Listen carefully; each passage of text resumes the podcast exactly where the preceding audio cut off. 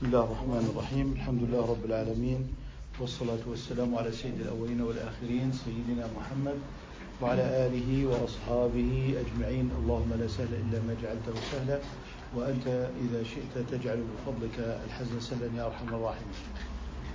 آه، في حديثنا اليوم نتحدث عن أمر مهم جدا فيما يتعلق بالأصول. خصوصا أننا قد تكلمنا بحجية الكتاب والسنة والإجماع والقياس وتطرقنا لبعض الموضوعات ضمن اللي هو التعليل بالعدم آه تحدثنا عنه ضمن التعليل بالعدم يعني نحن أخذنا من كل آه، باب أو مسألة أهم ما يمكن أن يستفاد من هذه المسألة في معالجة الوقائع والمشكلات.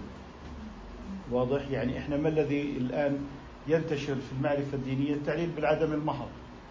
لم يفعله رسول الله لم يفعله رسول الله لم يفعله. الآن التعليل بهذا العدم المحض هل هو دليل؟ يعني لو أتكلم في موضوع المولد النبوي لم يفعله رسول الله ولا أصحابه.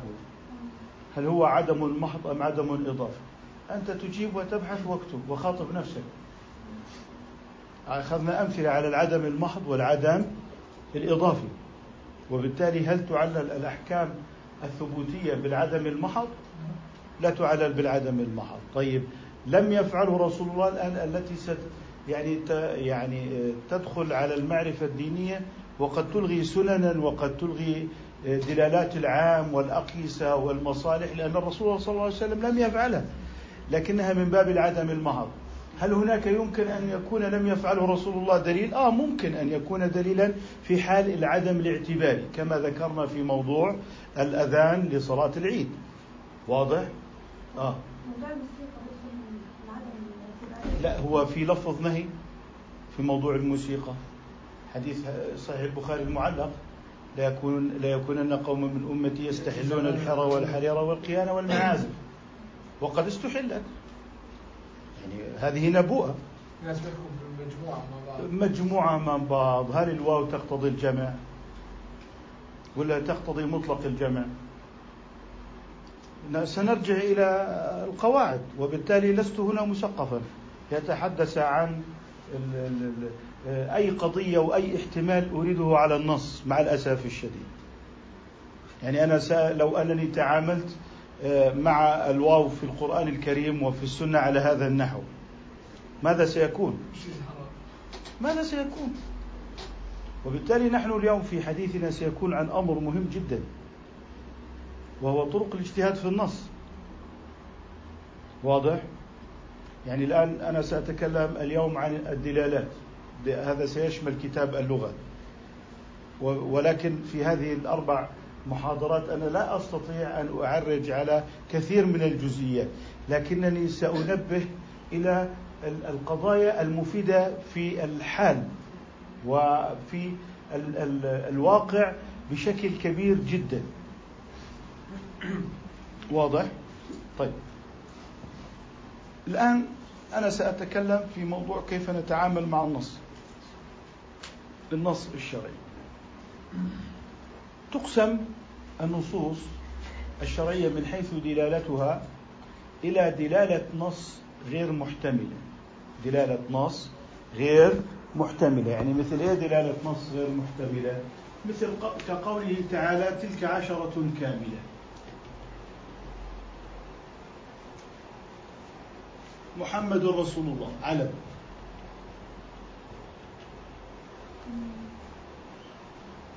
هذه لا تحتمل معنى آخر ماذا نسمي هذه الدلالة؟ نص دلالة واحدة مفهوم؟ طيب الآن سأجد تلك عشرة كاملة أرقام محمد أعلام نوح عيسى إدريس هذه أعلام لا تحتمل آخر واضح الكلام؟ إذا أقول الأعلام والأرقام. ممكن يكون أسماء السماء ما فوقك والأرض ما تحتك. كذلك دلالات نص. إذا هذه دلالة نص. الآن هذه لا إشكال فيها.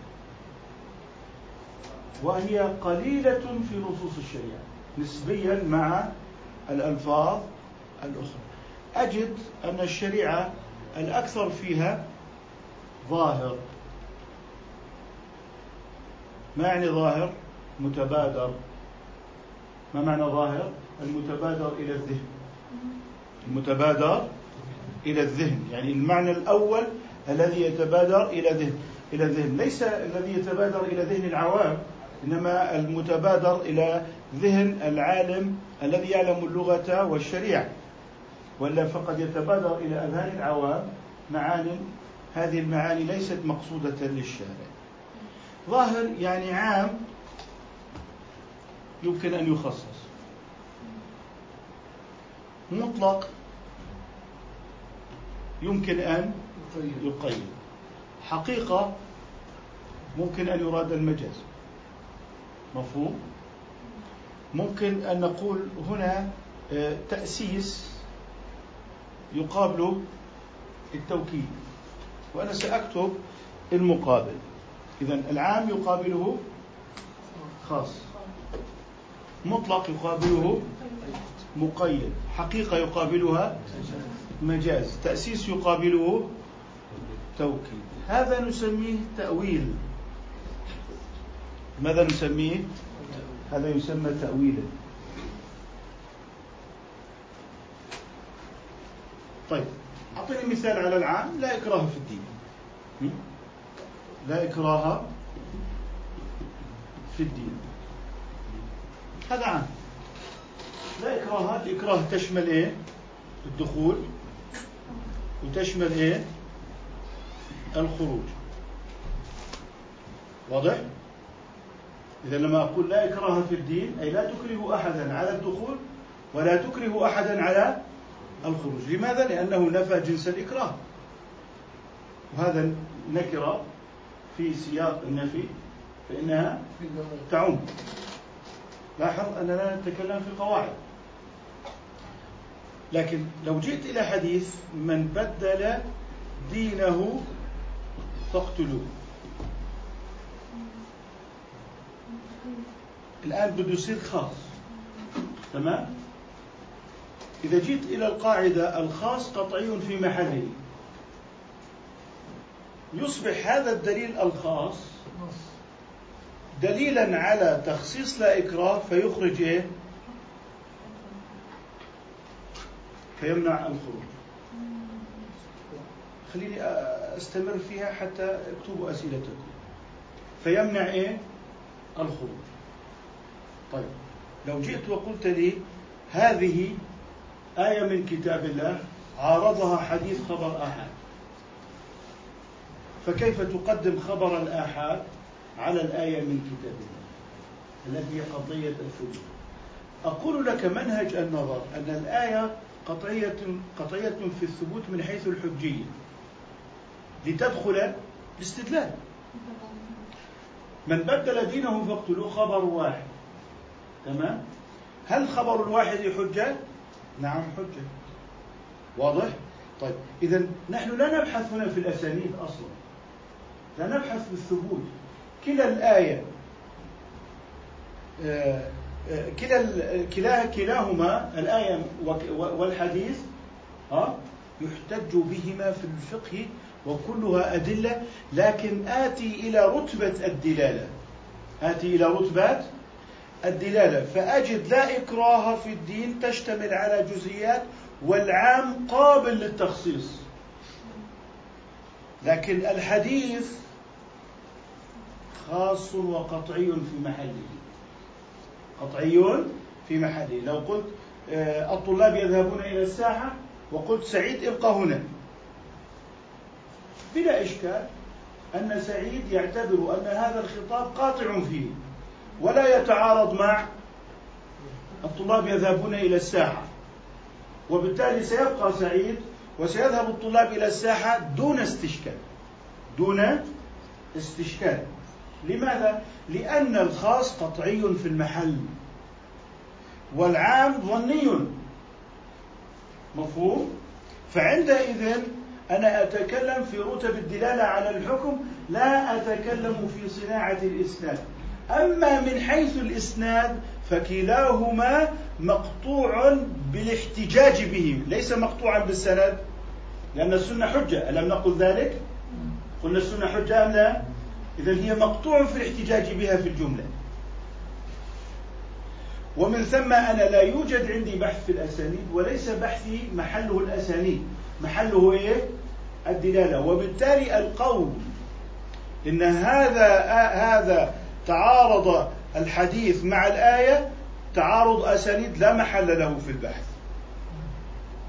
لا محل له في البحث. إنما نحن نتحدث من حيث الدلالات على الأحكام. طيب. لو قلنا في قوله تعالى مثلا ولا تمسكوا بعصم الكوافر. ثم قال والمحصنات من الذين أوتوا الكتاب. واضح؟ إذا المحصنات من الذين أوتوا الكتاب قاطعة في إباحة الكتابيات. المحصنات عام محتمل للتخصيص. ومن ثم هنا اعتبرنا الدليل الخاص آه، آه، قطعيا في المحل. والدليل العام ظني في المحل كما قلنا للطلاب يذهبون إلى آه، الساحة وسعيد ابقى هنا وهو من الطلاب. مفهوم؟ إذا هنا رتبة دلالة هذا تخصيص. طيب الآن آه، آه، عملية ضرب الكتاب بالسنة هذا شأن حادث على الفقه الإسلامي وليس منه. ممكن تقول هذه حرية تعبير هذه حرية رأي وما إلى ذلك؟ أنت تريد أن تتأقلم مع الحداثة.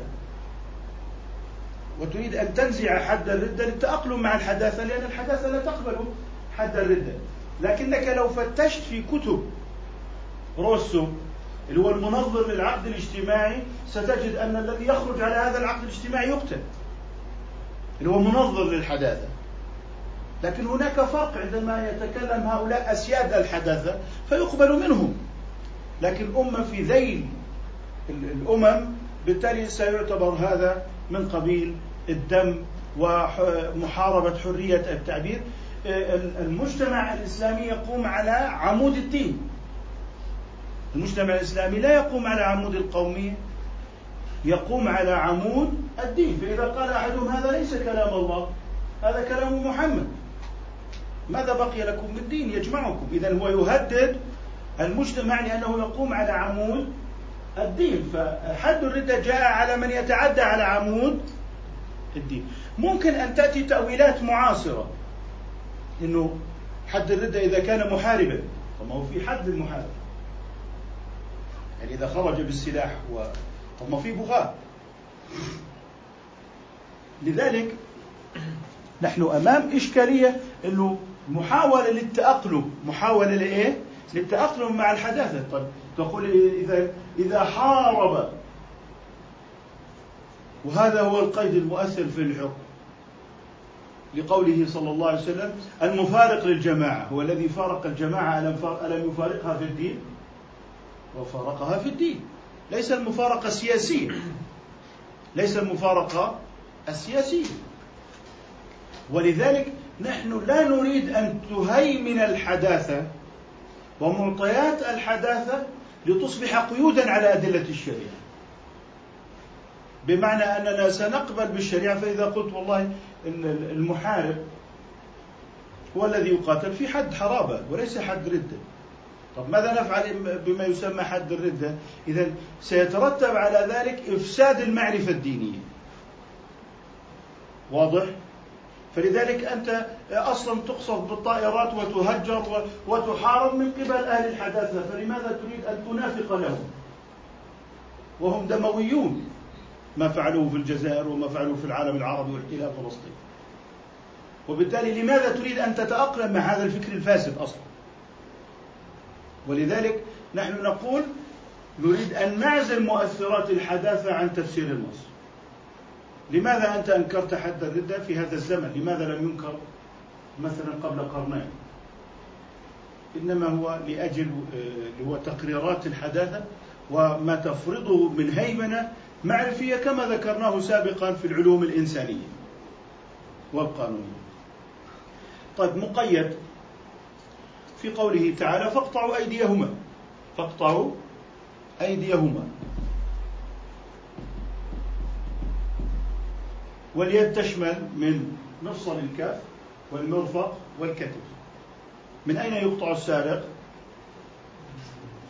من مفصل الكف وهذا هو المروي عن النبي صلى الله عليه وسلم أنه أتي بسارق فقطع يده من مفصل الكف إذا إذا نقول هنا في القطع آه، ليد السارق آه، جاء مطلقا. جاء إيه؟ مطلقا. أو مجملا يعني يحتاج إلى بيان. يعني إما مطلق يحتاج إلى تقييد وإما مجمل يعني مختلط بغيره غير واضح لكنه يحتاج إلى بيان كما جاءت الصلاة مجملة في القرآن فبينتها السنة. على كلا الحالين يكون هنا اللي هو قطع اليد من مفصل الكف هو التأويل. تمام؟ إذا ما معنى التأويل؟ حمل لظاهر على المرجوح. حمل لظاهر على المرجوح. ما هو الظاهر؟ عدم الإكراه عدم الإكراه سواء في الدخول والخروج. طيب ما هو التأويل؟ منع الخروج مع إبقاء حرية الدخول. واضح؟ طيب ما هو الظاهر؟ قطع اليد من أي مكان؟ من الكتف من الملفظ. ما هو التأويل؟ أنها تقطع من مفصل الكتف. واضح شو معنى التأويل؟ حمل لظاهر هذا هو السطر الأعلى هو الظاهر. ما هو ما هو التأويل هذا؟ إذا هذا ظاهر هذا تأويل. طيب نأتي إلى الحقيقة والمجاز. أيضا فاقطعوا أيديهما في موضوع آه، الحقيقة والمجاز. الآن ما معنى القطع حقيقة؟ هو أن تقطعها قطعا حسيا. أن تقطعها قطعا حسيا. ما هو المجاز؟ أن تقطعها قطعا معنويا. كأن يكفى عن الوظيفة. قطعنا يده عن العمل. قطعنا عنه المعونة الوطنية. واضح؟ إذا هذا تأويل. هذا تأويل. إذا الأصل في الكلام إيه؟ الحقيقة. التأويل هو إيه؟ المجاز. التأويل هو المجاز. فإذا قلنا على سبيل المثال قال أحدهم تقطع آه، بمعنى أن يكف عن العمل والقطع المعنوي وقد جاء في القرآن القطع المعنوي. فهل عسيتم إن توليتم أن تفسدوا في الأرض وتقطعوا أرحامكم؟ واضح؟ فلذلك هو إذا أراد أن يحملها على المعنوي فقد انتقل من الحقيقة إلى المجاز. طيب ما هو معلم أهل السنة في الدلالة هذه. معلم أهل أهل السنة والجماعة أن الظاهر دليل بنفسه.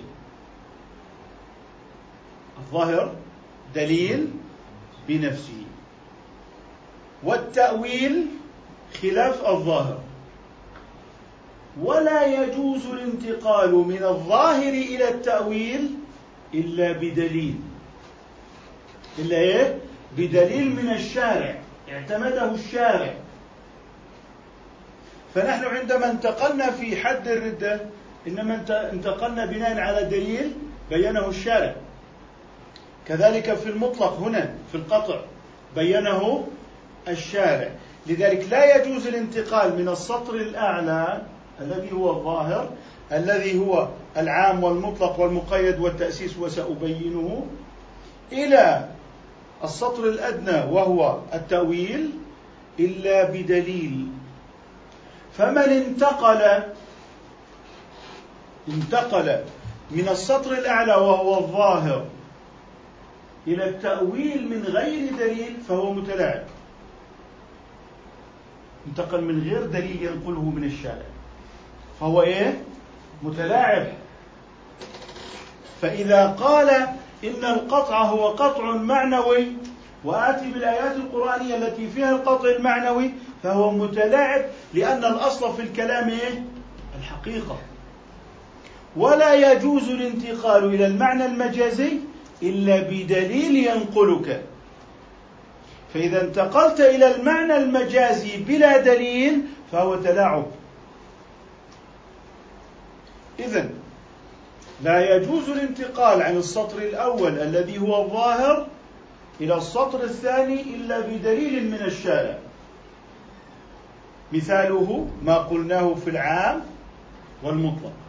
الآن عندي دليل من الشارع لا إكراه في الدين يقول لا تكره على الدخول والخروج. جاء دليل ناقل اللي هو إيه؟ من بدل دينه فاقتلوه. مفهوم؟ طيب عند الحنفية لا تقتل المرأة إذا ارتدت لحديث النبي صلى الله عليه وسلم أنه نهى عن قتل النساء. المرتدة لا تقتل. هذا من حالات عدم المساواة بين الرجل والمرأة. الرجل يقتل والمرأة لا تقتل. لا يمكن أن تفرض على الشريعة منهجية غربية. لا يمكن أن تقبلها. لأنها ستقدم المرأة حينا وتؤخر الرجل وحينا تقدم الرجل وتؤخر المرأة وحينا يتساويان وفي النهاية قوم في الجنة من الرجال والنساء وقوم في النار من الرجال والنساء. فقضية الهاجس والوسواس القهري عند الحداثة فيما يتعلق بمساواة الرجل بالمرأة هي حالة نفسية تشبه الوسواس القهري الذي أصبح يحرك القانون. دون مراعاة مصلحة أو حاجة دون مراعاة درء مفسدة أو رفع إصر وقيد على المرأة قد لا تطيقه. إذا حيث قام الدليل على التأويل وجب حيث قام الدليل على البقاء على الظاهر ولا يوجد دليل على التأويل فيجب البقاء على الظاهر.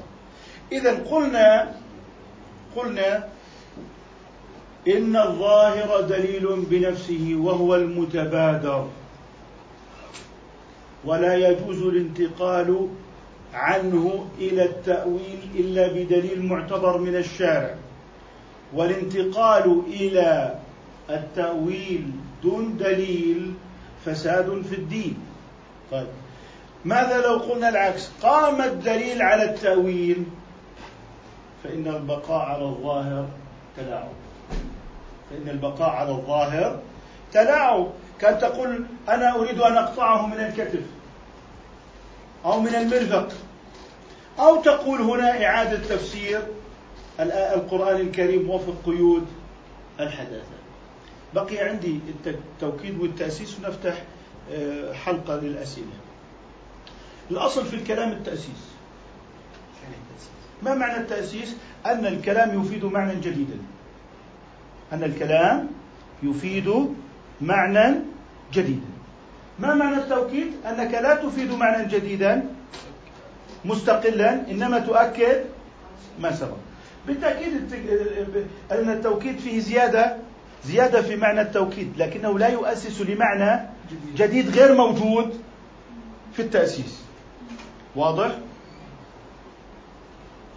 الآن نأتي إلى موضوع التأسيس مثلا تكرار قوله تعالى في سورة الرحمن فبأي آلاء ربكما تكذبان؟ هل تحملها على نفس اللفظ؟ على نفس اللفظ نفس المعنى يعني حيثما وردت أي فبأي نعم ربكم تكذبان؟ أيها الجن والإنس فيبقى هذا هو المعنى فقط. طيب أم أنك ستقول مضت هذه النعم الثلاث فقال فبأي آلاء؟ أي فبأي هذه النعم الثلاث تكذبون. ثم ذكر نعما أخرى فبأي هذه النعم هذه الأخرى تكذبون؟ فعندئذ يصبح الكلام فيه جديد. فأيهما أفضل أن نحمل قوله تعالى فبأي آلاء ربكما تكذبان؟ على أنها معنى واحد أم أنها نحمل أم أننا نحملها على التأسيس؟ نحملها على التأسيس. بمعنى أنها كلما جاءت في موقع حملناها على المعاني الموجودة في الآيات التي قبلها. ثم ذكر نعما جديدة فتحمل هذه فبأي آلاء ربكما تكذبان على النعم المذكورة قبلها مباشرة. هذا هو الأولى في الكلام. هذا هو الأولى في الكلام. لماذا؟ لأن التأسيس أولى من التوكيد. طيب. كذلك في سورة المرسلات فويل يومئذ للمكذبين. فويل يومئذ للمكذبين. تكررت. أي فويل لهم من هذا العذاب المذكور قبل هذه. فيصبح الكلام فيه معنى تأسيسي جديد مختلف عن معنى فويل يومئذ للمكذبين التي قبلها. فلذلك دائما الأفضل يحمل الكلام على التأسيس. كيف حالك؟ الحمد لله. كيف حال أبيك؟ الحمد لله. هل نجحت في آه، الثانوية العامة؟ الحمد لله. آه، هل شفى الله مريضك الحمد لله. هنا كلمة الحمد لله صحيح أنها من حيث هي معناها واحد لكن من حيث السياقات الحمد لله شفى الله مريضي الحمد لله نجحت. الحمد لله والدي بخير. واضح؟ اذا فأنت في كل كلمة تعطيها ما يؤسس لها معنى مختلفا لتليق بحال المتكلم وحال السائل. والا أصبحت كلمة واحدة مناسبة لكل السائلين إذا سألت عن الشفاء والنجاح وما إلى ذلك من هذه فالكلام واحد ولا يتغير. اذا أصبحت ختما لا يناسب مقتضى كل سائل بعينه وما يقتضيه حاله. فلذلك عندما نقول آه، آه، الأصل في الكلام التأسيس أننا نحمله على معنى هذا معنى جديد مستقل آه، أولى أن من أن تحمله على التوكيد. مفهوم؟ لكن أحيانا لا يحتمل كما لو قلنا في مجرم قتل نفسا ظلما نقول القصاص القصاص. والقصاص كم مرة يكون؟ مرة. واحدة. إذا الثانية متعين فيها. إذا من حيث المنهج أنك تتعامل مع دلالات النصوص على هذا النحو. ما هو الأصل في الكلام؟ الحقيقة. التأسيس. المتبادر. المطلق. العام. واضح؟ إذا هذا نموذج للتعامل مع الظاهر والتأويل. فأحيانا يكون التأويل هو الحق والمراد الشرعي. هل عسيتم إن توليتم أن تفسدوا في الأرض وتقطعوا أرحامكم؟ تقطيع الأرحام حسي أم معنوي؟ معنوي. طب لو حملته على الحسي لكنت مفسدا. لكنت مفسدا. يقول لك فلان قاطع طريق. يعني قاطع طريق يعني مسك الطريق ونشره بالمنشار. أنه منع السلوك. ولذلك لابد أن يتعامل مع النصوص عامة وإجمالا بمنطق القاعدة هذه. أهل السنة عندهم المتبادر دليل بنفسه ومن أراد الانتقال فعليه الدليل. فعليه الدليل. أترك هنا الوقت لمن أراد أن يسأل؟ من عنده سؤال؟ دكتور بما أنه الإنسان يحتاج في العام والمطلق والحقيقة إلى إلى مخصصات أو إلى شيء ينقل إلى التأويل إذا الإنسان لازم يكون محيط بكل شيء يمكن أن يكون مخصصا. يعني كل اللغة كل الأحاديث لأنه يعني هذا يمكن أن ينتج حكم جديد. يعني يمكن أن يكون الحكم الذي أنتجه خاطئ الفقيه لا يشترط في الفقيه أن يكون حافظا للسنة. بل يشترط فيه أن يكون قادرا على استقراء الأدلة. أن يكون قادرا على استقراء الأدلة بمعنى أنه إذا أراد أن يبحث مسألة فإنه قادر على الوصول إلى الأدلة في مظانها. لا أحد يحيط بالسنة. لا أحد. حتى استقراء. حتى إلا أن يتتبع ويقوم باستقراء. تتبع الأدلة. فلا يشترط على وجه الأصالة في الاجتهاد أن يكون المجتهد حافظا حديثا واحدا. لكن يشترط أن يكون له ملكة كيفية راسخة في النفس قادرة على التعليم قادرة على الفهم حدة الإدراك. ولذلك لا يشترط في المجتهد أن يكون حافظا للحديث ولو لحديث واحد. ولا يشترط أن يكون حافظا للقرآن الكريم لكنه يعلم مظن الأدلة. قادر على الوصول.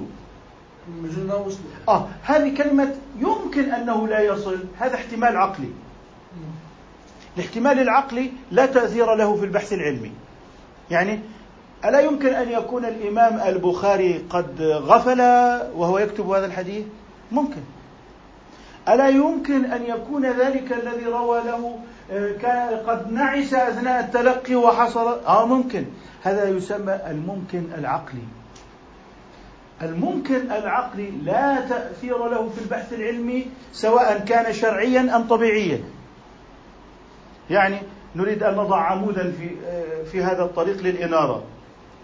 ألا يمكن أن يأتي رجل ويغفل ويصدم العمود؟ ممكن. إذا لا تضع العمود. ألا يمكن القاضي وهو يكتب الحكم أن يكون قد أخذته سنة من النوم؟ خلاص إذا القضاة لا ترد أحكامهم. ألا يمكن هذا الذي أجرى الاختبارات وال... و... و... والاختبار في المعامل قد غفل عن عامل مهم؟ آه ممكن. إذا دعوا الطب والدواء. هذا الاحتمال العقلي هو الذي يعمل عليه الملاحدة. ألا يمكن لو أن رسول الله عاش إلى وقتنا ورأى حالنا ألا يمكن أن يغير؟ هذه ممكنات عقلية. هذه ممكنات عقلية لكن ما آه، حكمها في الشرع باطلة لأن الذي أوحى إليه رب العالمين يعلم هذا الواقع وقال هذه الشريعة مستمرة. بس الواقع بيقول في كثير صحيح. لم تصل لم يزعم أحد من الفقهاء والمجتهدين أنه بلغته السنة كاملة ولم يدعي هذا أحد ولم يثبت لأحد. قضية إنه ممكن لم يصله ثلاثون حديثا. مثلا هل هذا مؤثر كهذا احتمال عقلي؟ هل هذا؟ لا ليس لا يجب أن يكون محدثا ابدا. آه، الحديث ليس كالفقه والفقه ليس كالحديث. الحديث علم والفقه علم. الآن آه والله نأتي إلى الإمام مالك هل أحاط بالسنة؟ آه لم يحط بالسنة. لكن المجتمع الذي خرج مالكا هل مالك عندما أفتى في مذهبه أفتى من عند نفسه ولا بحسب الأقضية أمامه؟ طيب هل أهل المدينة غفلوا عن السنة؟ ها هي أمام مالك. فيسأل ونقول بذلك قضى أهل المدينة. لذلك الناس يظنون أن المذهب رجل. طيب ما مذهب أبي حنيفة؟ ما هو فتاوى الصحابة في العراق. يعني مجتمع الصحابة يفتي في العراق. الإمام مالك مجتمع الصحابة يعمل ويفتي في المدينة. فليس المذهب أنه خرج من رأس رجل. يعني الإمام مالك يعني آه، آه، يعني مذهبه جميعا سبقه فيه من قبله. إلا بضع مسائل على اليد الواحدة. قال بها من عند نفسه وإلا فكل ما أفتى به في مذهبه سبقه سلف. طيب اذا المذهب ليس هو مالك وليس المذهب آه، أبا حنيفة. مفهوم؟ الشافعي جمع فقه الشام والعراق وقعد لي قاعدة في فقه الشام والعراق. كذلك كان أحمد يعني لا تظن أنه مذهب أحمد من بنيات رأس أحمد. ما وظيفة أحمد؟ كوظيفة سيبويه في النحو. قعد ونظر ورتب. لكن هل يعني أن ما يفتي به أحمد جاء من رأس أحمد؟ أم هو ما عليه الناس من الصحابة والتابعين من قبله؟ لذلك نحن نقول لا تحتاج إلى أن تحيط بالسنة لأنه أصلا تقدمك كمالك أهل المدينة. عندما يسأل مالك عن الصلاة يقول أدركت الناس على هذا في مسجد رسول الله. يعني يصلي في مسجد رسول الله صلى الله عليه وسلم سبعين عاما. وهذه الإقامة ممن سمعت الإقامة يا فلان؟ من جدي. من أين لك هذا الوضوء؟ علمني إياه, إياه جدي. من, من جدك؟ صاحب رسول الله الذي رأى رسول الله صلى الله عليه وسلم يتوضأ. لذلك ستجد أن المذهب لا يقتصر على موضوع الرواية فهو ينقل العمل. هو ينقل العمل. لذلك مالك بما يقضي. قضاء أهل المدينة. هل قضاء أهل المدينة موجود في الكتب الستة؟ لا. أين موجود؟ في مذهب مالك. طيب فإذا أنا ألغيت مذهب مالك وذهبت إلى الكتب الستة التي ألفت في منتصف القرن الثالث فلم أجد ما قال به مالك. ماذا سأقول؟ ليس عليه دليل. طيب وميراث الصحابة في عملهم في المدينة في عهد الصحابة والتابعين من الذي ألغى؟ المستشرقون أم المقتحمون على ساحة الشريعة؟ المقتحمون على ساحة الشريعة ألغوا أدلة الشريعة. لذلك كان ابن أبي زيد في رسالته يقول وبذلك قضى أهل المدينة. يعني عندما يأتي إلى آه، المدينة فيجدهم يقضون بالدية هكذا ويقضون بالدماء هكذا ويقضون. هل هذا مسجل في سنن الترمذي؟ أين؟ من الذي حرسه وحماه؟ المذهب الفقهي. لأن المذاهب الفقهية لها سند عملي في الدين. فهي لم تأخذ من الكتب الستة إنما هي أخذت من أقوال الصحابة والتابعين واستمرت على أصولهم وقواعدهم. إذا هذا مسار هو مسار الفقه. هو مسار الايه؟ الفقه. مسار الحديث الإمام البخاري ينقل الأحاديث الصحيحة فقط. ويذكر المعلقات على سبيل ما للتوضيح أو أنه لم يجد في هذا الباب إلا هذا المعلق مثلا. طيب لو جئت كما سألت عن الموسيقى ماذا يقول مالك في الموسيقى؟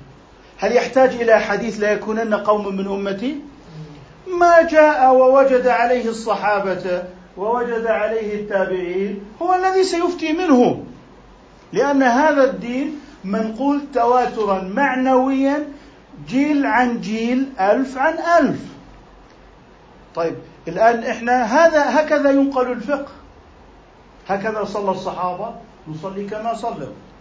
صلى الصحابة في العراق صلاة أخذوها من رسول الله صلى الله عليه وسلم.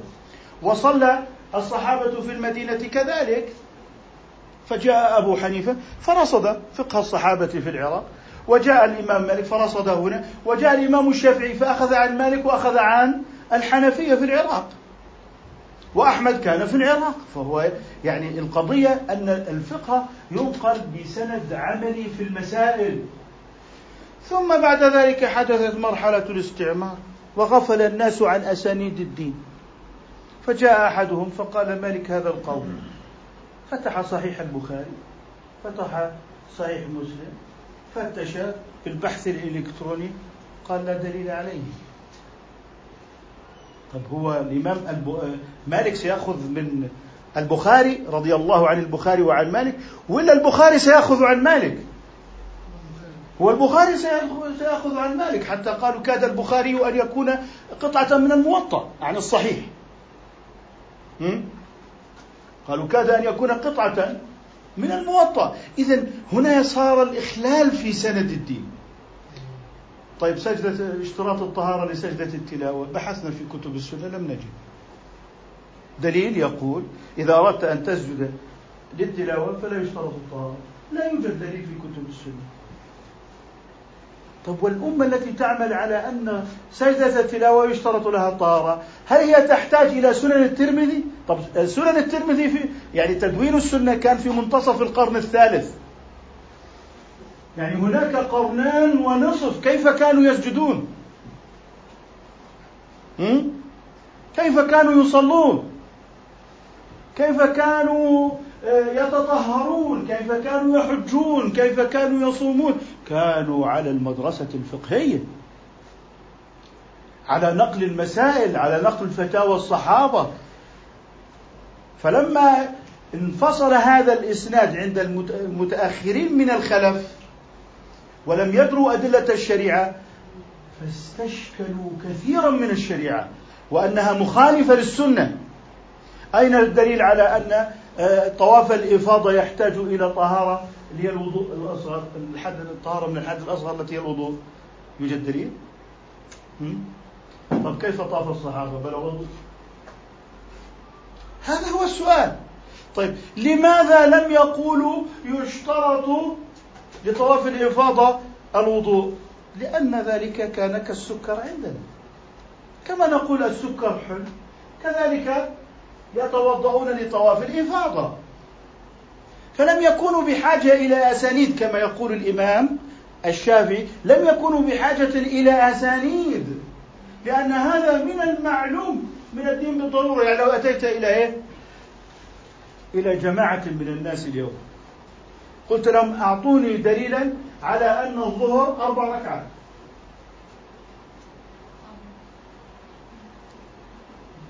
ما في دليل على أن الظهر أربع ركعات. سند محكي. لماذا؟ لأنهم لا يحتاجون إليه فقد رأوه بعيونهم ونقلوه جيلا عن جيل. فلم يكن هناك حاجة لتقول الظهر أربع ركعات. وبالتالي هذا السند العملي في الدين. وبالتالي اشتهار الأمر حتى صار بديهة بين الناس. لم ينقلوه بسند كما هو الحال في المسجد الأقصى والأسانيد التي ذكرناها وطرق الأسانيد. لسنا بحاجة إلى ذكر سند صحيح. إنه هذا هو المسجد النبوي. من الذي استشكل أن هذا هو المسجد النبوي؟ حتى نأتيه بالدليل. لا أحد يستشكل فهو منقول ألف عن ألف يعني تواتر معنوي.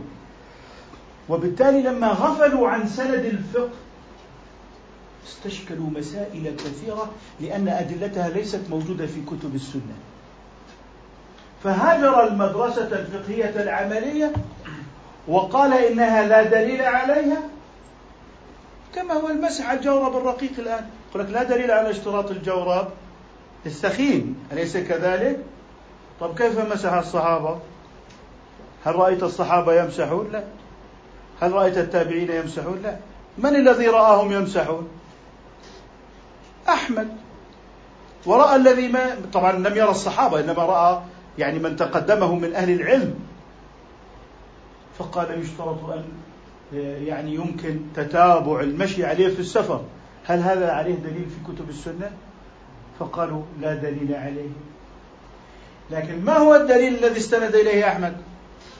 العمل.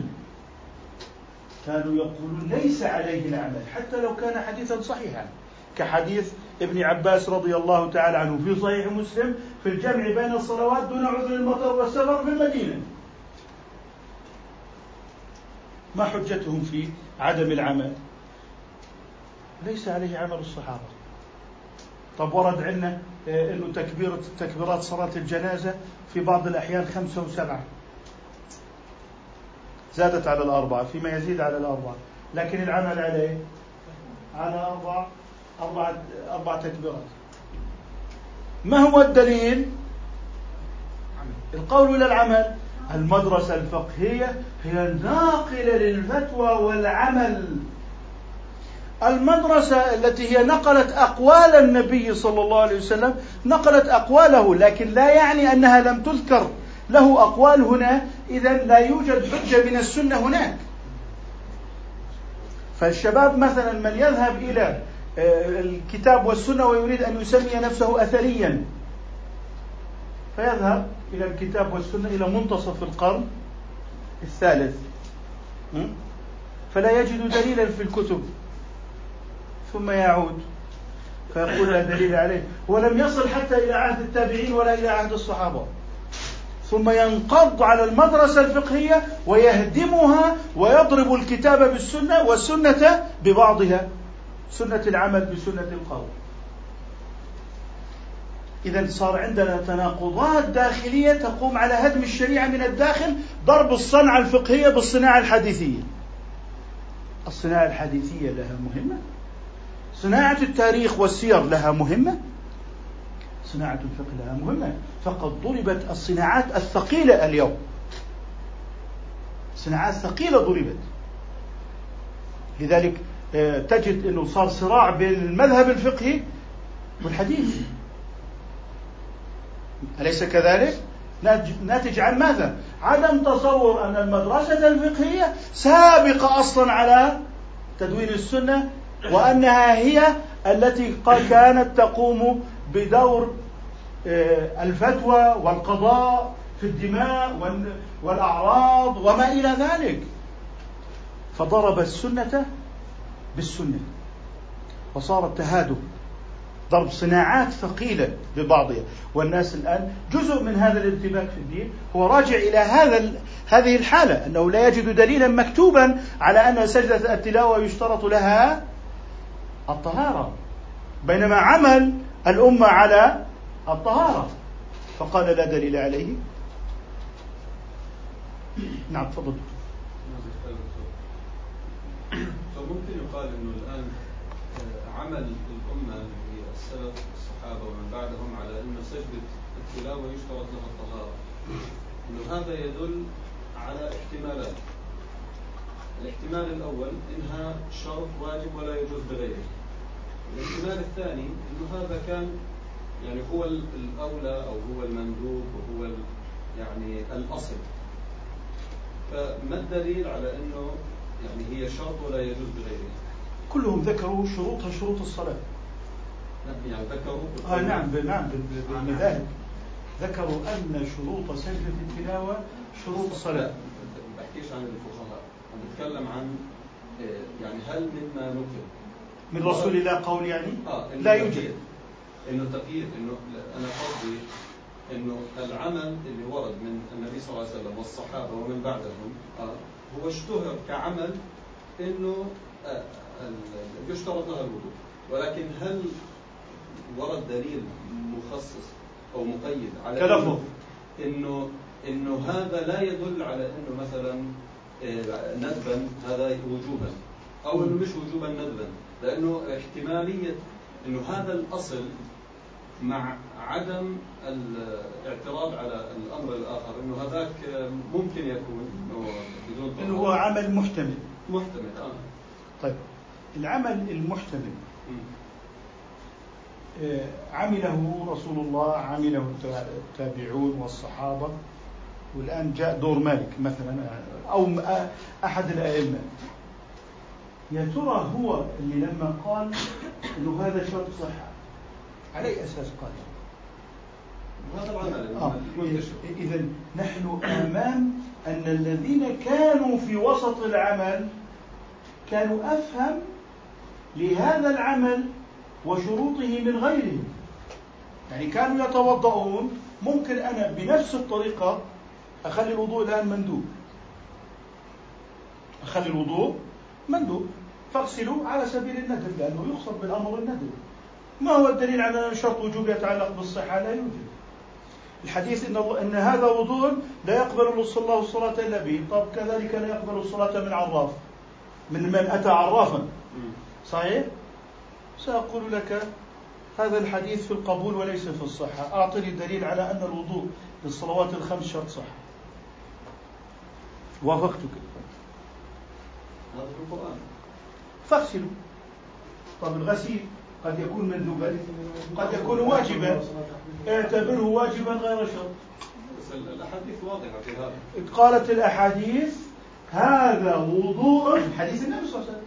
لا يقبل الله الصلاة الله الصلاة إلا به. طيب أقول لك هذا كمن أتى عرافا فصدقه. لا يقبل. إذا في حديث لا تصح ما في. إيه؟ لا يقبل.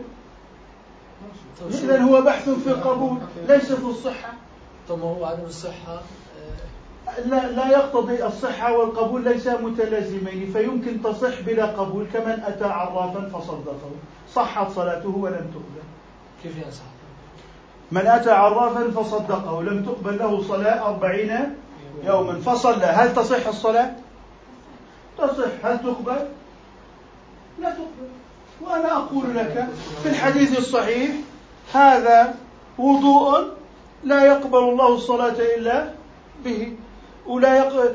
كل الأحاديث مدارها على القبول وليست على الصحة فأنا سأوافق على المنهجية إنه الذين قالوا بأنها شرط صحة غفلوا عن دليل. سأقول لك سنستمر على هذه الطريقة. فالصلوات المفروضة جاءت بالنقل العملي والحديث القولي لا يقبل. إذا إذا هذا ليس حديثا في الصحة. كذلك سجدة التلاوة. من باب المندوب الواجب غير الشرط.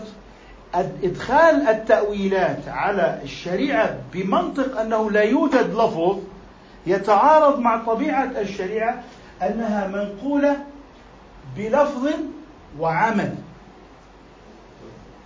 فإما أن نحدد أنا سآتي إلى دليل من القياس. إما أن نحدد منهجية تسري جميعا ودائما وإما لكل رأيه فليعدل بعض إلى بعض فإذا قلت لي أريد لفظا في صحة صلاة الظهر بالوضوء أقول لك لا يوجد. كذلك في صحة سجدة التلاوة بلا وضوء فالظهر كسجدة التلاوة. ستقول لي لا هناك ما يتعلق بالصحة. أقول لك ما هو موجود من النصوص؟ في القبول ليس في الصحة ونحن نزاعنا في الصحة وليس في القبول. القبول شرط الصحة. لا هذا خطأ كبير. أنت تتكلم عن موضوع القبول غير شرط الصحة. لا يعني أن الصلاة صحيحة إذا قبلت. فقد تقع صحيحة وتسقط المطالبة مع عدم قبولها كمن شرب خمرا أو كمن أتى عرافا. لا يمكن أن تكون مقبولة وغير صحيحة. أيوة لكن إذا بتقول لي قبلت إذا صحيحة. مقبولة يعني صحيحة إذا صحيحة. طيب هل هي إذا الآن قلت إن سجدة التلاوة ليس عليها شرط من صحة ولا من قبول؟ صحة. الكلام في الصحة. أيوة.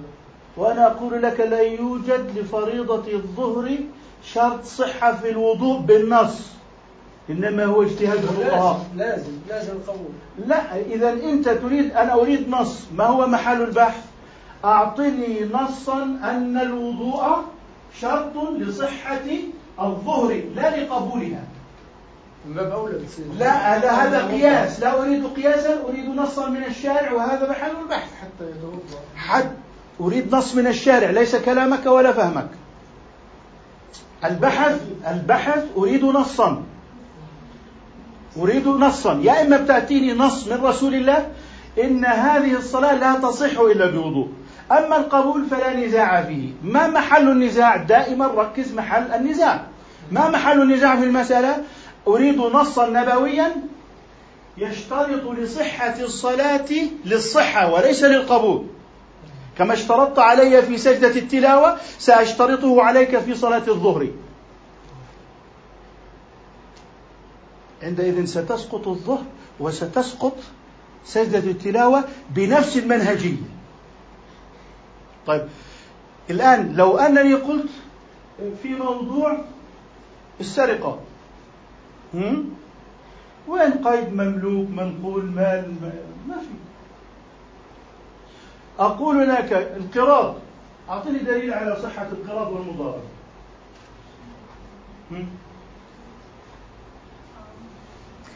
هنا الإشكال في علم أصول الفقه.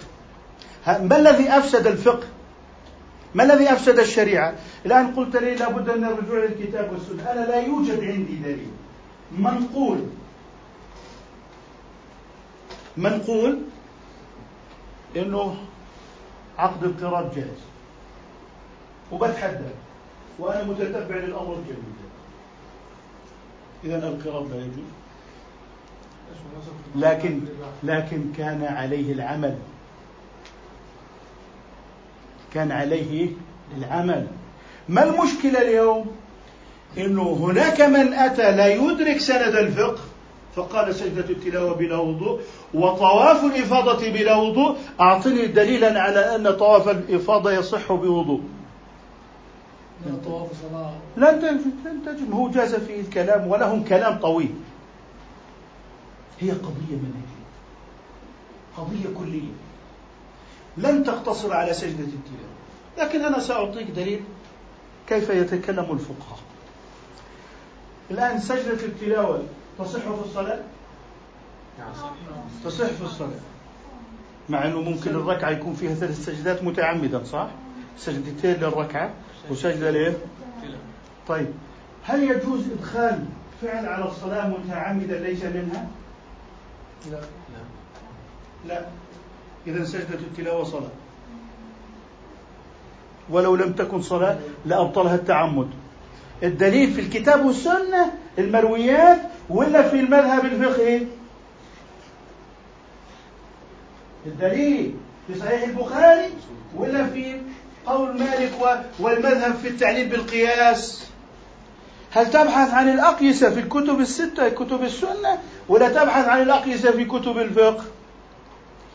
فلما ذهب إلى كتب السنة ولكن الأدلة كانت قياسا. صح؟ وكان الدليل من الاستصحاب. وكان الدليل من المصلحة ودرء المفسدة وسد الذريعة. هل هذه المسائل أدلتها في كتب السنة؟ ولا في كتب الفقه. فإذا قلت إن الفقه يؤخذ من كتب السنة من الذي دمر الفقه؟ نحن وليس المستشرقين إحنا اللي دمرنا. لذلك يقول لك أعطيني شرط الطهارة لمس المصحف. العمل. الإمام مالك يقول ليس عليه العمل. هذا يقول ليس عليه العمل. هكذا استدلالهم. الآن أنت تريد أن تتعامل مع أدلة الشريعة على أنها الأحاديث المروية. طيب نرجع. عمل الأمة في المدينة في القرن الأول والثاني أين هو؟ في القضاء والإفتاء. أين هو؟ طيب فجاء إلى كتاب وسنة في ظواهر وطريقة معينة ونسف به المدرسة الفقهية. تصفير عدادات الشريعة. هذا اسمه تجديد. هذا اسمه هذا التجديد. مين اللي دمر الفقه؟ ليس المستشرقين. ليس الذي دمر الفقه ها؟ المستشرقين. إحنا. لذلك أنا أقول لك إذا كان الناس سيطوفون بلا وضوء ما حكم حجهم؟ خاصة مع الأزمة. باطل على أربعة مذاهب. طيب لا تقضي الصلاة. عندك دليل على قضاء الصلاة لمن تركها عمدا؟ عندك دليل على وجوب قضاء الصلاة؟ مين عنده دليل على أن من ترك الصلاة عمدا يجب عليه القضاء؟ فذهبوا إلى كتب السنة والرواية. لم يجدوا دليلا على مقاسي العقول فهو يبحث عن دليل على مقاسي عقله. هذه الأدلة هي على مقاس عقل الشافعي. ليست على مقاس عقلك أنت. فقال لا دليل. من الذي أفتى الناس بأن لا يأخذوا الصلاة المتروكة عنه؟ مستشرقون. شاخ قال لهم لا تقضوا الصلاة. ولا أنتم لا الحنابلة أفضل قول لقضاء الصلاة عندهم. بالإجماع الصلاة تقضى المتروكة عمدا بالإجماع. بالإجماع. عمدا بالإجماع. لأنه الصحابة ما بأخذوا من صحيح البخاري. ولا الإمام مالك بأخذ من صحيح البخاري. صحيح البخاري بأخذ منهم. عكست في هذا الزمن تناقضات التدين. تناقضات التدين. يعني إيه، نضرب على المكتبة الشاملة والإنترنت. هذه أساليب البحث عن الحديث. ما وجدنا حديثا إذا لا دليل عليه. لكن الدليل على وجوب قضاء الصلوات عمدا أمامك وتقرأه كل يوم. كل يوم تقرأه. لكن لا يوجد ملكات طيب الذين ماتوا وتركوا قضاء الصلوات عنه هو قال له كثر من النوافل. طيب هل نافلة واحدة تجزي عن فريضة؟ لا. طيب الأمة الأمة عملا عملا. يعني لا أقصد عملا بالممارسة. بل عملا وأقوال الفقهاء.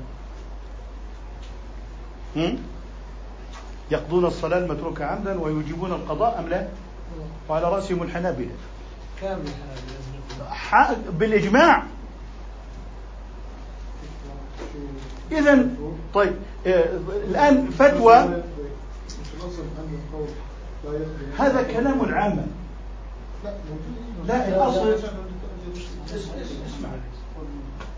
لما ثبتت الصلاة في الذمة.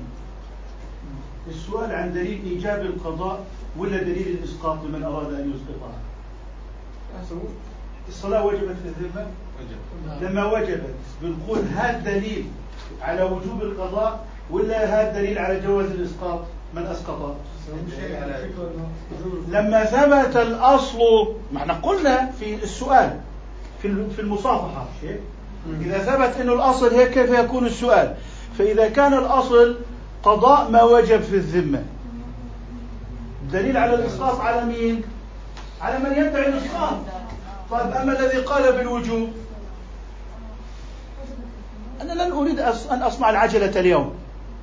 لا أريد إعادة صناعة العجلة. يعني أمة عمرها خمسة عشر قرنا لا تعرف هل تقضى الصلوات المتروكة عمدا أم لا. لا يعرفون الموسيقى حرام أم لا لا يعرفون حد الردة. هذا النظر إلى الأمة إسقاط للأمة. هو مبدأ الحداثة. الأمة متفقة على أن من ترك الصلاة عمدا يجب أن يقضيها. الآن عليك أن تسأل ما الدليل على وجوب القضاء؟ لما قال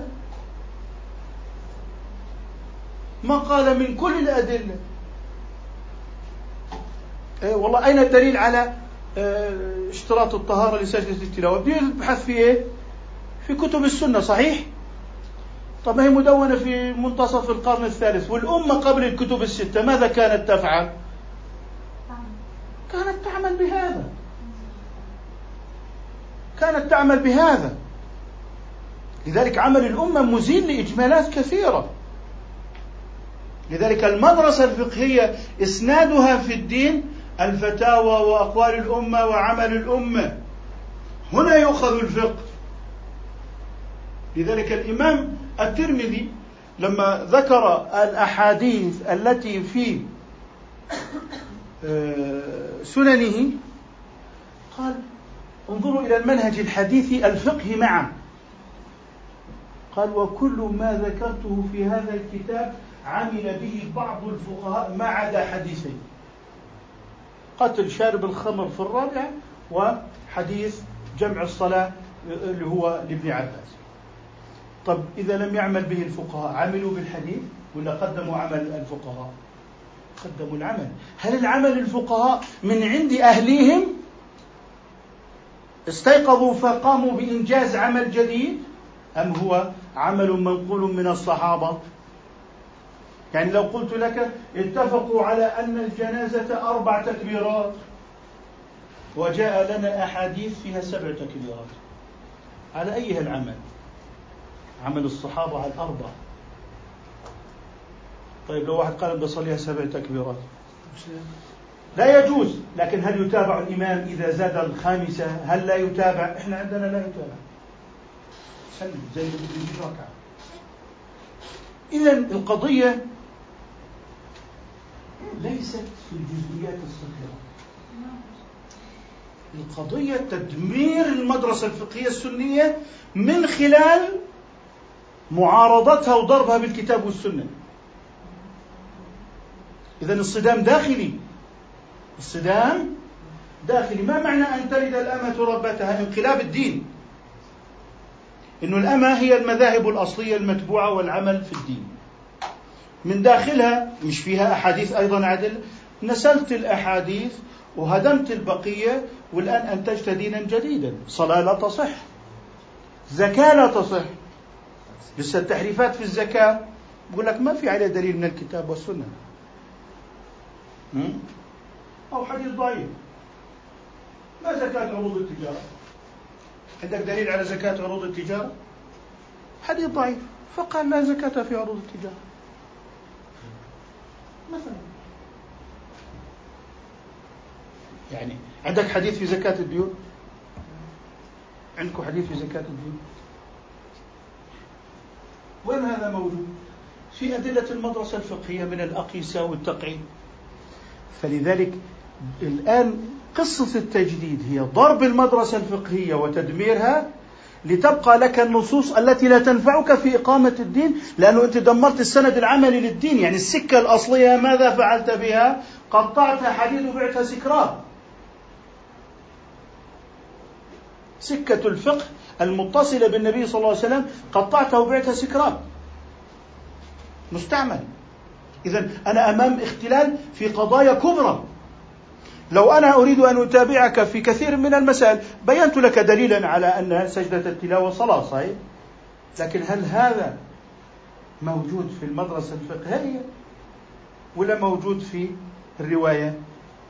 قياس موجود في الليل. فلما كان القياس دليلا للمدرسة الفقهية فكان تدمير المدرسة الفقهية تدمير القياس الذي يكفل امتداد الشريعة. طيب هل ضربه بأقوال شاخ لا. جاب حديث النبي وضرب في الفقه.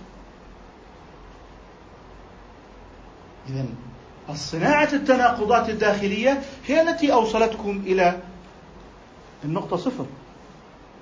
شيخ طيب إذا ورد حديث صحيح يخالف يخالف شيء في في عند الفقهاء فهو يعني يجب أن يتصرف هذا الحديث إما لأنه إما ان يكذب النبي صلى الله عليه وسلم أو أن يجهل البخاري مثلا بشيء معروف معروف لأبسط عامي أو إنه في في شيء في الحديث أو إنه في شيء في الحديث طب إذا أتيت لك باحتمالات أخرى. شوف يعني مثلا طلع الكلام الجميل كلامك حلو. فإذا رددتم الحديث فإما أن رسول الله لا يعني أو أنه أخطأ أو أن البخاري غفل هذا كلام مفكرين. هذا كلام مثقفين. طب هي حديث ابن عباس مروي ولا لا؟ في الجامع تركوا العمل به باتفاق. هل قالوا إن رسول الله لا يعلم؟ هل قالوا جهل البخاري أو جهل مسلم؟ لأنهم يجهلون صنعة مسلم. صنعة مسلم نقل ما ثبتت صحته صح. لكن هل هو ينقل الفقه؟ لا. الفقه لمين للمدرسة. خذ الكلام بدك كلام مثقفين ولا كلام فقهاء. أنا حدي لك كلام فقهاء. لأنه كلام المثقفين أنت ذكرته أليس صحيحا؟ طيب كيف يتعامل الفقهاء مع الحديث؟ قالوا جمع رسول الله جمع ها جمع هذا إيه؟ فعل صحيح؟ نعم الفعل يصح على المرة الواحدة ولا ما يصح؟ يصح يصح إذا عمله به مرة واحدة رفع عنه الإجمال. والإجمال يصدق عليه العمل ولو بمرة واحدة. صحيح ولا لا؟ جميل. طيب روح لي على أدلة الفقهاء وليس المثقفين إن الصلاة كانت على المؤمنين كتابا موقوتا صح؟ هذا نص عام يعني نص عام يعني نص عام يستغرق كل الصلوات كل الصلوات كل صلاة لها إيه؟ وقت كل صلاة لها إيه؟ وقت هيك معنى الآية طب تعال على عمل الصحابة هل عملوا بحديث ابن عباس؟ وعمل الصحابة والتابعين أن الصلاة على وقتها إلا في الحالات المخصوصة إذا هؤلاء قالوا إن حديث جمع بين الصلاتين هو رواية للفعل وبالاتفاق دلالة الفعل مجملة وليست مبينة. ما معنى مجملة وليست مبينة؟ يكفي في الخروج من عهدة الأمر يعني الخطاب أن يفعل بها ولو مرة واحدة. كما لو قلت لك اشرب. يكفيك أن تشرب مرة؟ وتخرج من العهدة؟ وهنا جمع فعل مجمل يصدق ولو بمرة واحدة. طب إن الصلاة كانت على المؤمنين كتابا موقوتا. الصلاة يعني كل صلاة. كل صلاة لها إيه؟ وقت فلو جئت أنت بما يتحقق بمرة واحدة وهو حالة واحدة وألغيت إن الصلاة كانت على المؤمنين كتابا موقوتا بتكون العام الذي هو ممتد في كل زمان ومكان. ألغيته وأتيت بحالة خاصة وجعلتها عامة. وهذا هو انقلاب الدين وأن تلد الأمة ربتها ما لا ما هو هي حالة واحدة. هل ارتفع لما جمع تحقق العمل ولا ما تحقق؟ تحقق صلى في الكعبة كم مرة؟ مرة. لذلك الفقهاء يفرقون في دلالة صلى جماعة ويقولون مجمل يخرج من العهدة بمرة واحدة. وحديث الجمع لابن عباس خرج من العهدة بالفعل مرة واحدة وانقضى الأمر. جمع رسول الله صلى الله عليه وسلم في المدينة من غير سفر ولا مطر. والآن بعضهم أنا أسأله سألته قلت له يعني أراد أن أن لا يحرج أمته فجعله عاما. طب والآية؟ إن الصلاة ضرب الآية بالحديث. لكن الحديث غير متعارض مع الآية لأنه يتحقق بمرة واحدة وقد حصلت وخرج من العهدة كما لو قلت لك اشرب. كل تخرج من عهدة الأمر بمرة واحدة. ما معنى عهدة الأمر؟ تعلق الخطاب. لاحظ الكلام ليس كلام مثقفي طيب. حكم النقطة هذه. الصحابة ماذا فعلوا؟ عملوا بحديث ابن عباس؟ تابعون. الأمة متواترة على أن الصلاة في وقتها وخالفنا في ذلك الشيعة. فهم يجمعون بحديث ابن عباس. هذا مذهب الشيعة ليس مذهب أهل السنة. إذا إعادة النظر في الكتاب والسنة أخرج الطوائف لأن الطوائف أصلا مستندة إلى كتاب وسنة فإذا أنت عندما عدت إلى الكتاب والسنة دون المدرسة العملية أعدت إنتاج الطوائف. لذلك هم يحتجون علينا ويذهبون إلى عوام الناس بحديث ابن عباس. إننا على حق وأنتم مذاهبكم لا تجيزوا ما فعله ابن عباس. هل هم أفهم من ابن عباس؟ كلام حلو. هذا كلام مثقفين. لا هم ليسوا أفهم من ابن عباس. لكن الصحابة جميعا في العمل أعلم من ابن عباس. التابعون تواتروا على عمل الصحابة. هنا يأتي ضرب الدين بالدين. ضرب المدرسة العملية الفقهية بالحديث. وهذا لا يقوم به شاخت والمستشرقون. هذا مرض داخلي ووباء مستشري في الأمة.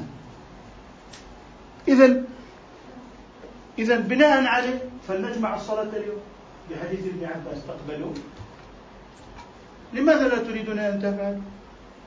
تشفيعا افعلوا. لماذا؟ تريدونه عاما؟ اجعلوه عاما. لماذا لا تجعلونه عاما؟ قال لي الشيخ جمعت في الناس في شهر سبعة. شهرا. لأن الحديث أراد أن لا يحرج أمته لكنه يجهل معنى جمع. في الدلالة الأصولية أنها لفظ مجمل والإجمال يرتفع إجماله بالفعل ولو مرة واحدة. أما العام فهو عام في الأفراد.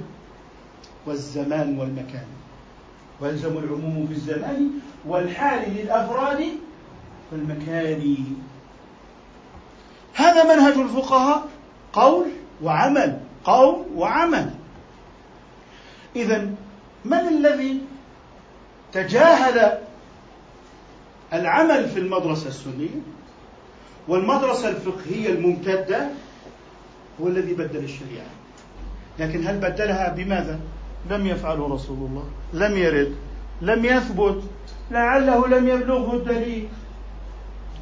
كل لعله لم يثبت لم يرد لم يحصل لم يفعل. هذه هل هذه أدلة الشريعة؟ أدلة الشريعة هذه اللامات لعله؟ هذه ليست أدلة. أدلة الشريعة خطاب. وعمل الرسول المنقول عملا. لتأخذوا عني مناسككم. هكذا حج فحجوا مثله هكذا صلى صلوا مثله هكذا صلى الجمعة صلوا مثله تمام. لذلك تجاهل المدرسة العملية التي نقلت أعمال الصحابة وأقضيتهم وفتاواهم بذريعة لم يثبت في كتب الستة. أو مصنف عبد الرزاق.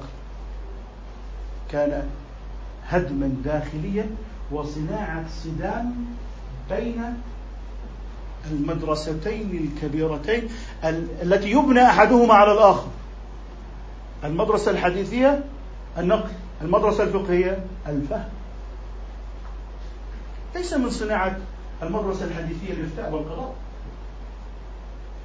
فإذا قلت نحن نريد أن نتبع أهل الحديث كلام جميل. هل الإمام الشافعي من أهل الحديث؟ إيه خلص اتبع أهل الحديث. اضطراب في مفهوم أهل الحديث اضطراب كبير. من هم أهل الحديث؟ أنت لا تعرف. هل هم المحدثون فيخرج المفسرون هل هم الذين يروون الحديث أما أهل اللغة فهم ضالون؟ أم أن أهل الحديث الذين قالوا بحجية الحديث وأن الحديث حجة في الشريعة؟ فسر للناس المصطلحات.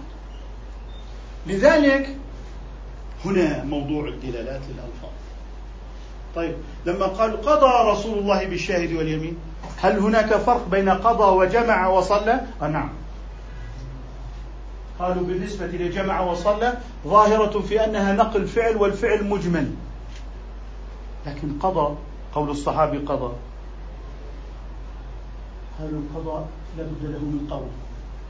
لابد له من قول لأن القضاء ما يكون بالفعل. لابد أن يصدر حكم والحكم يكون إيه؟ قولي. قالوا قضى تفيد العموم لأنها لازم القول والقول هو الدال على العموم. أما الفعل فليس دالا على العموم. واضح؟ فلذلك جمع وصلى ليس دالا على العموم. وإن تكرر الفعل. وإن تكرر فيبقى مجملا يرتفع. مين اللي بده يبين الأحكام؟ الأقوال مين بده يبين الهيئات؟ الأفعال.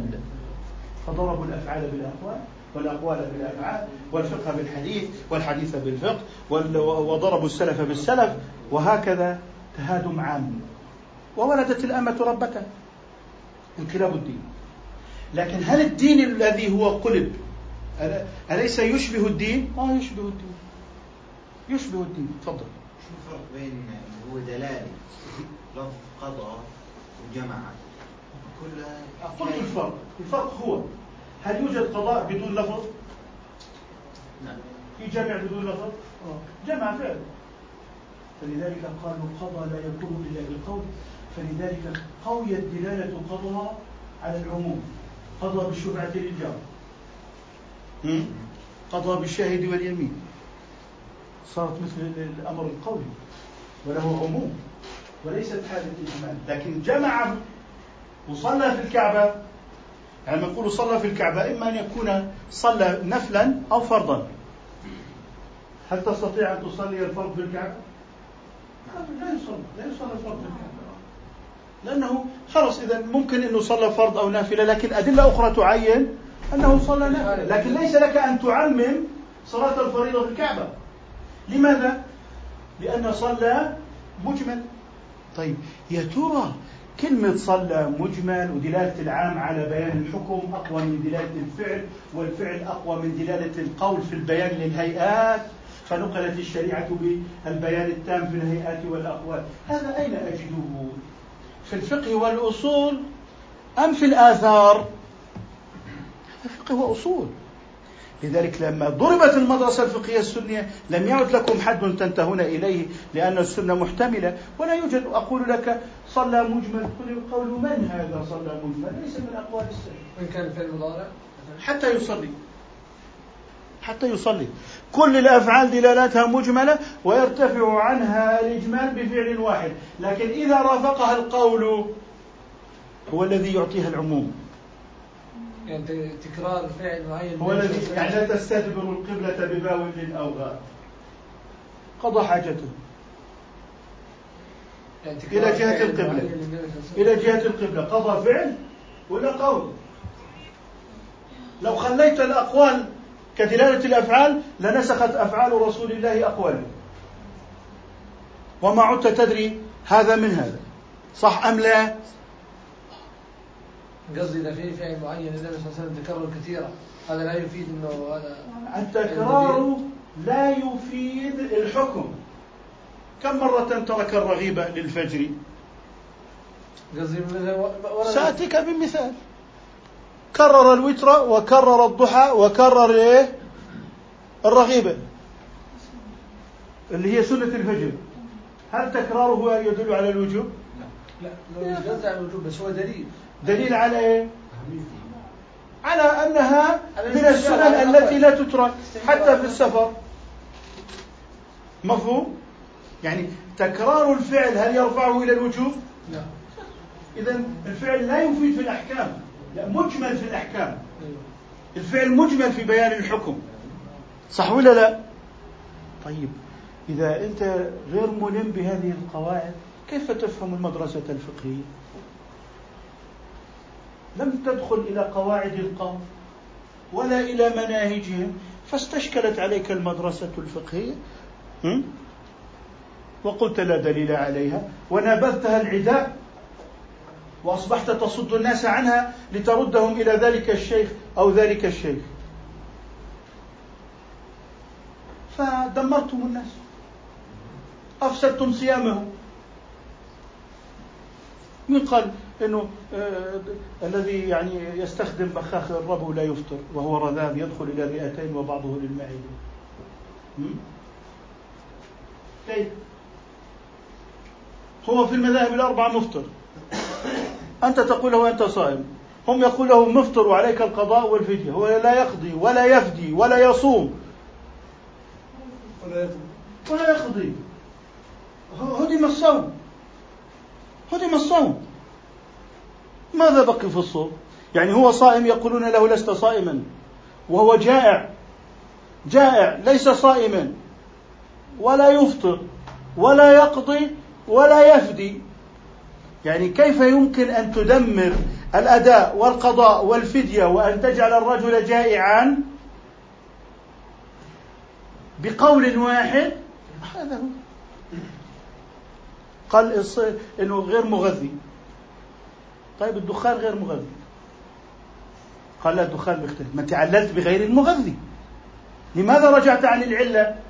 الآن أنت استنبطت العلة. الآن استنبطت العلة. والآن تركتها قال لا لا هو لو لأنه مريض. طيب أعطيه دواء. حبة بنادول يفطر. قال يفطر. حيرتنا لا على مغذي. مشي. ولا على غير مغذي مشي ولا على مريض مشي ولا على صحيح مشي وجعلته جائعا مفطرا لا يقضي ولا يؤدي ولا يفدي. هذا هو أو هذه الشخصية التي لا تفقه المدرسة الفقهية. هذه هي التي يعني لا تستطيع أن تفهمها أصلا. فاستشكلوها. واثاروا حولها الشبهات وسطوه إعلامية ضللوا المجتمع الإسلامي عنها وقالوا لهم اتبعوا هذا الذي يقول لك استخدم بخاخ الربو وأنك صائم جائع. ليس صائما ولا يقضي ولا يفدي. على مذاهب أربعة لا تقضي الصلوات لا تقضيها. لا, لا دليل عليه لا دليل عليه. اسجد للتلاوة بلا وضوء لا دليل عليه. طب أنا ذكرت لك الدليل من القياس والدليل من القياس ليس موجودا في صحيح البخاري. إذا مشكلتك أنت أنت الذي أفسدت من داخل الوسط الديني وأن انقلاب التدين لن يكون من خارجه انقلاب التدين سيكون من داخله وقد ولدت الأمة ربتها ونسجتم خيوطا من داخل الشريعة تشبه الشريعة ولكنها ليست شريعة. فلبس على الناس. هذا في الصوم أما الحج والزكاة والصلاة حدث ولا. لذلك ضرب المدرسة الفقهية كان بداية انقلاب الشريعة. لأنك تستطيع أن تدخل التأويلات على النصوص. فلا مذهب سابقا كانوا يقولون إذا أرادوا أن يذموا أحدهم يقولون لا مذهب له. الآن اللامذهبية شكل جميل من الانفتاح. والتحرر الفكري من الجمود الفقهي والكتب الصفراء. هذا الذي حدثتك عنه هو الذي قيل عنه الكتب الصفراء والجمود الفقهي وإلى متى يفكر لنا الاموات كلام جميل أم لا؟ جميل. ده كلام مثقفين. بس لأن انظر لما هذاك تكلم في موضوع دلالة الفعل صلى. ما يستطيع أن يتكلم. انظر كيف بينت لك صلى مجمل يتحقق بفرد واحد. انظر إلى أن الصلاة كانت على المؤمنين كتابا موقوتا. هذا هو العام. هو أتى بما هو خاص بحالة وجعله عاما. وجاء إلى العام ودمره. يعني لو أنا أتيت بحديث ابن عباس سأذهب مذهبك وأفكر تفكيرك ماذا بقي من قوله تعالى إن الصلاة كانت على المؤمنين كتابا موقوتا؟ ماذا بقي؟ أو جمع بين الظهر والعصر والمغرب والعشاء من غير سفر ولا مطر. ماذا بقي من الآية؟ ضربت الكتاب والسنة أم لا؟ بسبب انعدام الصنعة الفقهية الأصولية بأمثلة واقعية عملية والناس ماتوا وهم في رقابهم صلوات أنهم تتبعوا الأقوال الشاذة. ثبتت في الذمة. أقيموا الصلاة أداء وقضاء. اليقين لا يزول بالشك. هي أدلة. إذا ثبتت في الذمة يجب قضاؤها. إذا إذا أردت أن تسقطها ستقول ما الدليل على الإسقاط. أما وجوب القضاء فهو ثابت على الأصل في الذمة بالحكم الوضعي أن عليه الضمان. أن عليه إيه؟ الضمان. أشكركم على حسن رأيكم. نعم قول ابن عباس صحيح حديث صحيح مسلم. على أن النبي صلى الله عليه وسلم فعله مرة واحدة وحصل على أنه وقعت عين خاصة. عمل به ولا لا؟ عمل بالحديث إذا الفكرة الجميلة اللي أنت طرحتها هل رسول الله لا يعلم؟ هل البخاري ما وصله قصص جميلة. دمرت الفقه الإسلامي ودمرت السنة ودمرت الكتاب. طيب تفضل. دكتور كان تارك الصلاة مثلا 10 سنين 15 سنة لازم يقضيها تبقى حكمة. كيف يقضي؟ صحبة الصالحين. هو يصلي تراويح؟ يصلي تراويح؟ عندما بدأ يصلي آه خلاص بدأ يصلي تراويح يقضي فرائض. نكتفي بهذا القدر إن شاء الله تعالى. سبحانك اللهم وبحمدك نشهد أن لا إله إلا أنت نستغفرك ونتوب إليك وإلى لقاء آخر وهذه المحاضرة الأخيرة.